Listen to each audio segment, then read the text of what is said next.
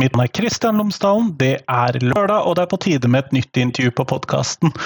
Det vil si, jeg har klart å få tak i kunnskapsministeren for å snakke om hva den nye regjeringen kunne tenke seg å gjøre med og i og Eh, for norsk skole, og for lærerne selvfølgelig, og i det hele tatt. Sånn at det er ukens tema på podkasten. Eh, og den jeg snakker med, er jo da selvfølgelig kunnskapsminister Tonje Brenna fra Arbeiderpartiet. Hun har jo ikke vært så lenge i den jobben, men hun har eh, heldigvis funnet tid til å bli med på podkasten. Men podkasten er som alltid sponset av Cappelen Dam Utdanning, og hvis du går inn på skolen.cdu.no, så finner du alle de oppleggene, ressursene osv. som Cappelen Dam Utdanning har laget i forbindelse med fagfornyelsen i grunnskolen. Alle fag, alle tema, alle emner, alle årstrinn, alt sammen, det finner du der inne. Skolen.cdu.no. Men her så får du intervjuet mitt med Tonje, vær så god.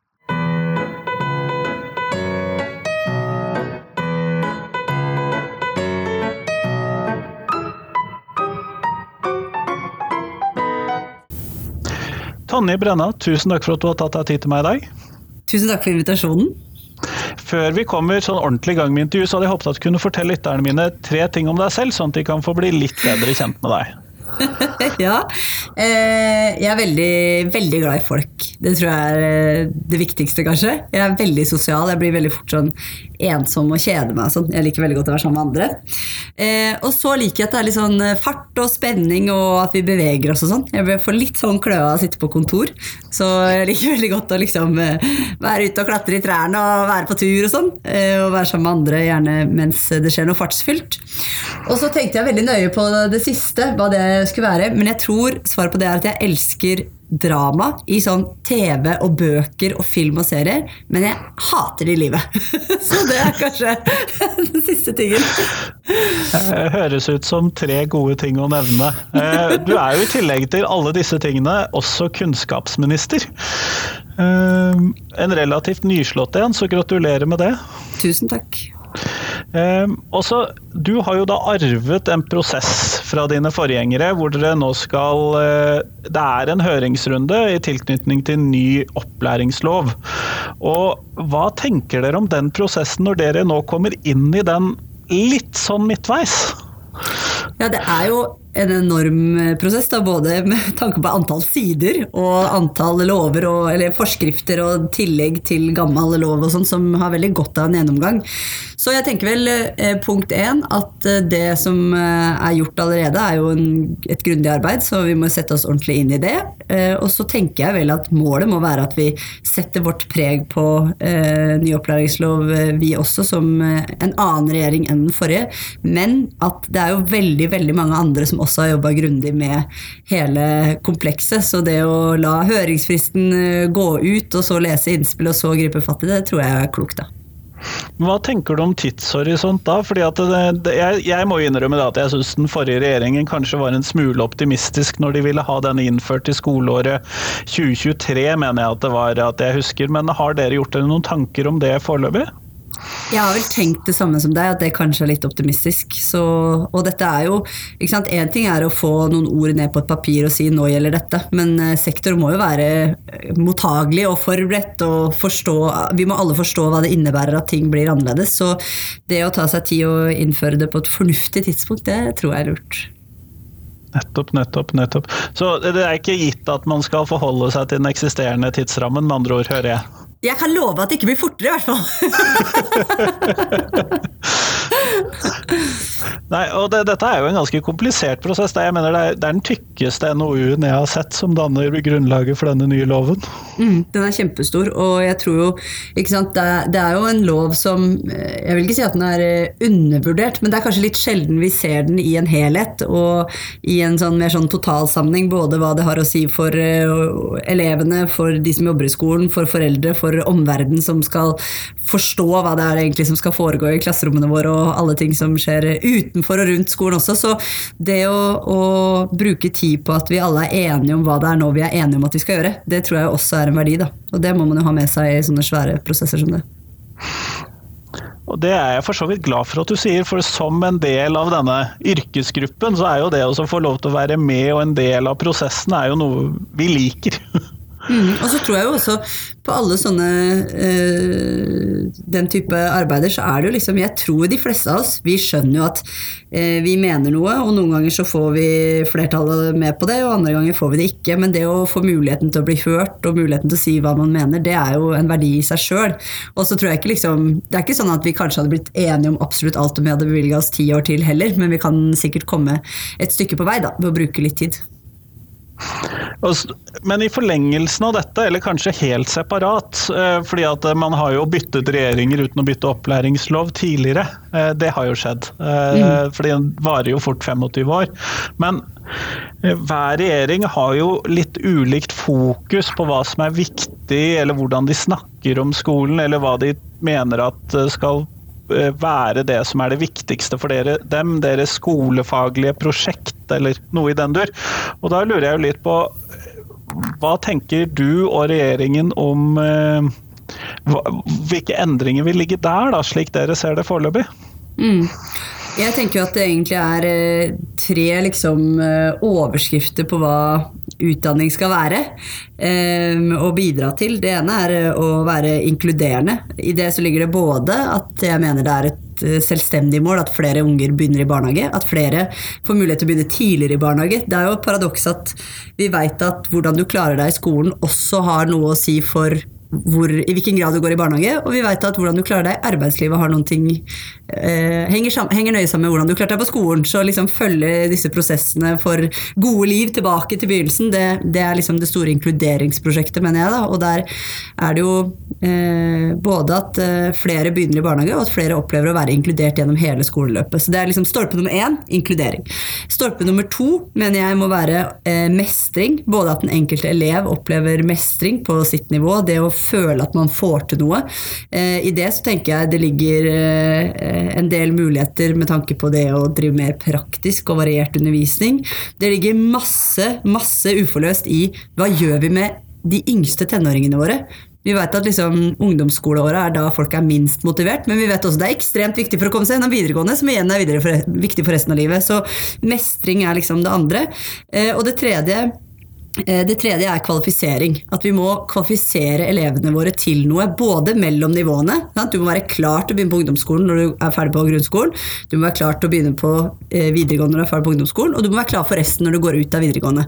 Og det å kvalifisere unga steg for steg for steg, det tror jeg er helt avgjørende. Og så er jo det tre overskrifter som kan fylles opp med tusenvis av store og små prosjekter.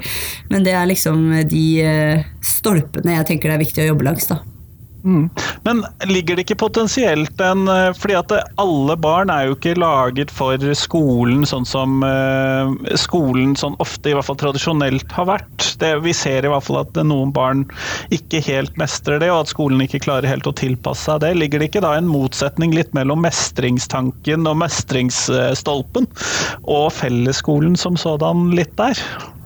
Jeg tror det gjør det hvis vi ikke, eh, hvis ikke vi har som et selvstendig parameter at alle skal oppleve mestring. Altså jeg tror det å si at norsk skole skal være til for absolutt alle barn, det er jo en enorm forpliktelse. Eh, og det gjør jo f.eks. at eh, vi må ha ressurser til det, vi må ha tid til det. Vi må finne måter å motivere på som speiler hele mangfoldet av eh, elev, de elevene som går i skolen. Vi må eh, ha flere måter å undervise på. Altså vi må gjøre en rekke ting, da, fordi akkurat som du sier, ellers så blir det en motsetning.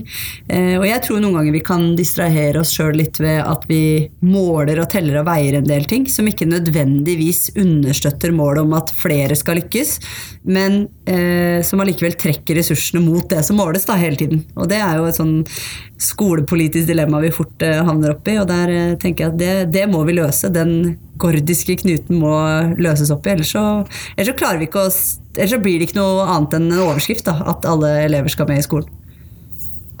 Nettopp, nettopp. Men da antar jeg jo at uh, dere har da et ønske om å gi mer tid til dette, da. For det er jo ofte det krevende at man ikke nødvendigvis har tiden til å skulle eh, ta seg av alle elevene på den måten. Mm. Og det er jo noe av det jeg, som jeg har opplevd veldig sterkt siden jeg ble statsråd, at det er en del frustrasjon knytta til dette med tid, og eh, knytta til forventningene om hva skolen skal løse, at de har vokst, samtidig som verktøykassa ikke har blitt større. Og Der tror jeg vi må finne en bedre balanse enn det vi har i dag. At det må være sånn at eh, de oppgavene du har som eh, lærer eller som annen fagperson i skolen, de oppgavene må stå i forhold til det du har å bruke som virkemidler og hjelpemidler for å faktisk løse det. Og der er det nok en litt for stor avstand i dag, i hvert fall det inntrykket jeg har så langt. Og så sitter ikke jeg med hele svaret på eh, hva man skal gjøre mindre av for å få gjøre mer av noe annet, men da er det jo fint å snakke med deg, da. Det kan hende du har noen gode innspill. og så har du jo tusenvis av gode kollegaer da, som, eh, som også helt sikkert kommer til å komme med forslag og innspill underveis. Ja, og dette peker jo litt hen for eh, det som liksom har vært min store bekymring eh, gjennom særlig vårhalvåret 2021. Og det er jo fordi da sto man jo i en situasjon hvor man skulle Man hadde korona og lærerne var litt utslitte, og så kommer fagfornyelsen og innføringen av den kommer litt på toppen, og så kommer streiken på toppen av den. Det, det, det, var litt mye, opplevde mm. jeg som lærer i den våren som var. Og da, eh, da blir det et sånt rekrutteringsspørsmål. Eh, eh, hvordan kan regjeringen være med på å gjøre det at disse ungdommene som jeg nå sender ut av videregående, skal faktisk ha lyst til å bli lærere? Mm. Eller at de skal bli der i skolen. Mm.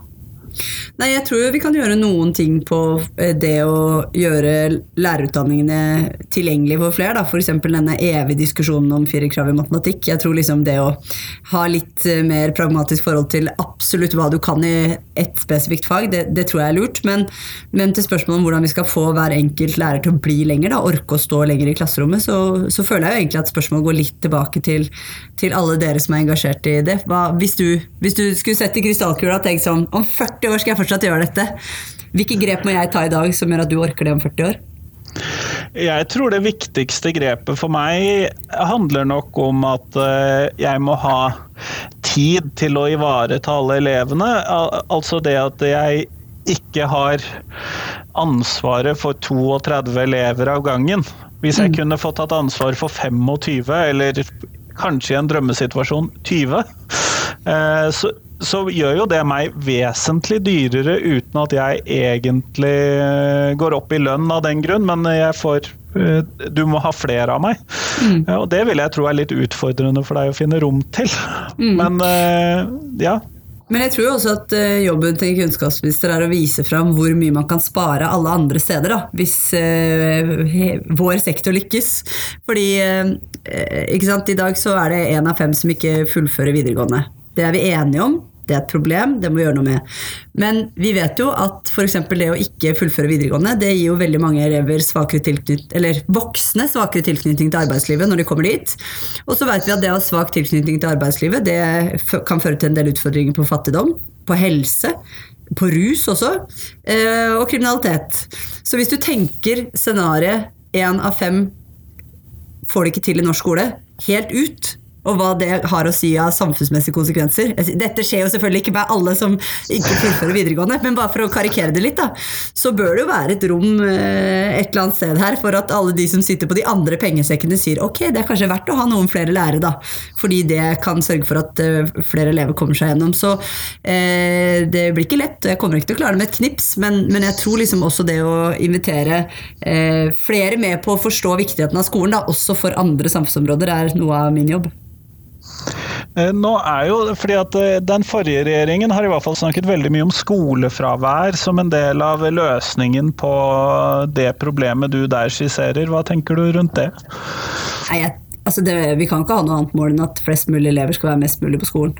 Det, det, mener jeg virkelig. Og jeg tror jo, ikke sant? enten du driver med utdanning, eller du driver med eh, eller om du jobber, eller om du er en del av et fotballag eller kor, eller det å komme sammen og møtes, det er jo det som gjør at vi fortsetter å oppleve at vi hører til.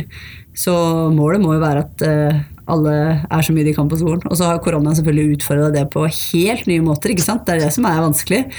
Um, og til hele diskusjonen om fraværsgrense, så liksom um, Det jeg mener ikke er nyttig for skolen og for elevene og foreldrene, det er at norske myndigheter kommer med to forskjellige råd. Det ene er 'hold deg hjemme hvis du blir sjuk', det andre er 'ikke vær borte fra skolen, for da stryker du'. Ikke sant? Det er derfor vi kommer ut i den diskusjonen om fraværsgrensa i forbindelse med forkjølelse og korona og sånn. Eh, men målet er selvfølgelig at alle skal være på skolen, bortsett fra hvis de smitter alle andre. Da får vi et problem.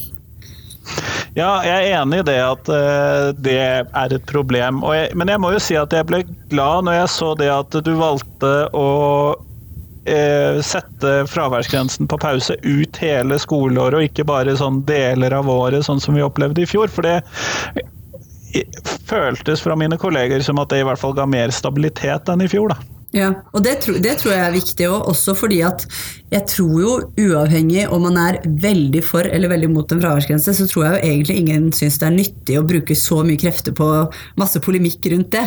Jeg tror det å ha stabilitet og ro er bra, og så tror jeg jo det som fort hadde skjedd, da, for å være litt ærlig. La oss si at fraværsgrensa trådte i kraft igjen 1. mai, da. Det hadde vært ganske artig å sitte sammen og regne ut de brøkene på 10 da. Hvor mye kan du da egentlig være borte? Kan jeg være borte hele russetida, eller hva gjør jeg da? Liksom? Så det er, liksom, ja, det er både fordi det er bedre med stabilitet og forutsigbarhet, og fordi at uh, da slipper vi liksom en diskusjon om hvordan vi skal forstå den siste biten. da.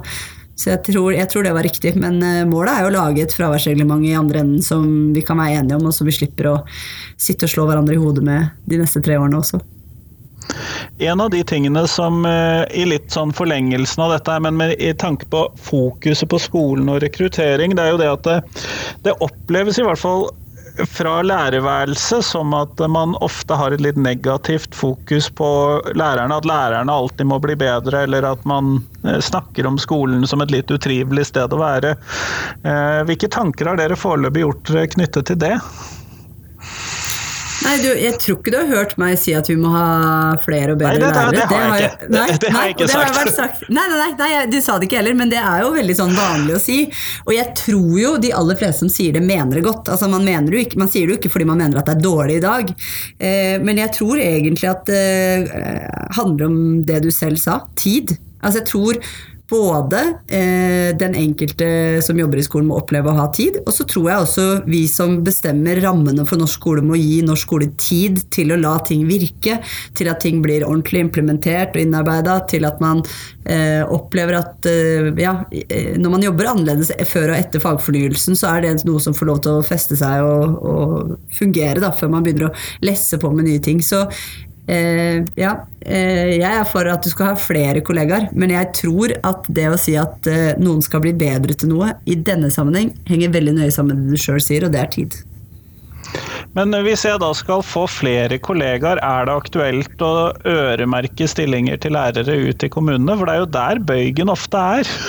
Ja, Nå har vi jo økt kommuneramma voldsomt, da. Eh, og det står også i eh, statsbudsjettet noen ord om at det også er ment til å dekke opp f.eks. bemanningsnorm i barnehage og sånn. Men, men, det er jo er en balanse i Norge som er ganske krevende. fordi jeg tror vi alle er enige om at det er bra at kommunene eh, og fylkene er de som er tettest på skolene. fordi det hadde jo føltes enda som enda større avstand hvis jeg satt her i departementet og bestemte på det enkelte klasserom, liksom. Så det tror jeg er bra. Men, men eh, det utfordrer oss litt òg, fordi som du sier, det kan bli for stor forskjell. Og målet må jo være at uansett hvor du er født og uansett hvor du bor, så skal du ha et godt nok skoletilbud. Eh, så kommuneøkonomi er jo både den viktigste muligheten og utfordringen, da, tror jeg, på å få ansatt eh, flere, flere kollegaer til deg. Ja, det ville jeg satt pris på. ja, det vet jeg. Det vet jeg. Det vet jeg. Eh, men vi går mot slutten. Jeg skal ikke stjele så altfor mye tid fra deg i dag. Men hva tenker du er de tre viktigste tingene skolen lærer elevene? Og så innser jeg jo at det er særlig utfordrende å svare på som kunnskapsminister. Ja, men jeg gjør leksene mine, og jeg visste at du kom til å spørre om det, så dette har jeg tenkt nøye på. Men jeg tror, hvis jeg må velge tre ting da, som, som eh, skolen eh, lærer ungene våre, så tror jeg det første, eh, som selvfølgelig rommer mye mer enn bare det ene ordet, det er empati. Altså sosiale ferdigheter, forståelse for andre, det å være et helt menneske og det å ta hensyn til andre og fungere sammen, det tror jeg er veldig viktig. Så tror jeg Eh, det neste, som jeg egentlig ikke vil kalle det neste, men like viktig, er helt sånne grunnleggende ferdigheter. I dag så får du til fint lite hvis du ikke kan lese ordentlig. Du får til ganske lite hvis du ikke kan skrive eller regne. Så det å ha de grunnleggende ferdighetene eh, tidlig inn, og at alle kan det skikkelig, det er enormt viktig. Og så tror jeg, og det her er kanskje litt rart at en person på under 80 år sier det, men liksom disiplin, arbeidsmoral, det å jobbe tror. Det må ikke undervurderes. Eh, og det å lære seg at liksom, dette er litt kjedelig akkurat nå, men det er allikevel verdifullt å ha gjort det, det tror jeg er viktig. Så å lære å lære, og lære å jobbe, tenker jeg liksom er eh, tredje punktet, som er veldig, veldig viktig at skolen lærer eh, ungene våre. Kjempeflott, Tonje. Tusen takk for at du tok deg tid til meg i dag. I like måte, holdt jeg på å si. Tusen takk for at jeg fikk være med på denne eminente podkasten.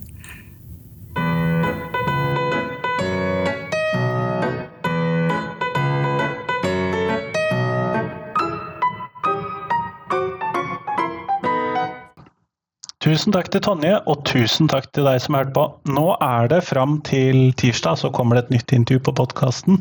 Og det fikk du jo faktisk beskjed om hva var i dag tidligere, på en sånn grafikk som ble sendt ut på Facebook. Så det kan du gå inn og se hva er for noe. Jeg kan røpe at det er Elise Farstad Djupedal som sier noe om norsk skole, så det kan du glede deg til. Ellers, podkasten er som alltid vel, støttet av deg, egentlig. Jeg har jo selvfølgelig litt sånn reklame fra Cappelen Dam Utdanning på podkasten, men det viktigste støttearbeidet, det er jo alle de som enten deler podkasten med noen, eller sender meg tips til hva podkasten skal handle om. For uten det så hadde det vært vanskelig å drive podkast, så tusen takk til deg også enda en gang. Men nå får du ha en fin helg videre. Hei, hei!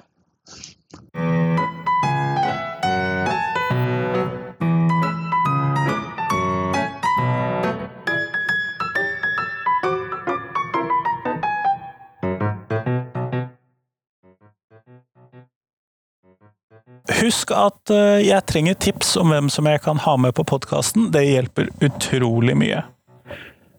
Vi høres!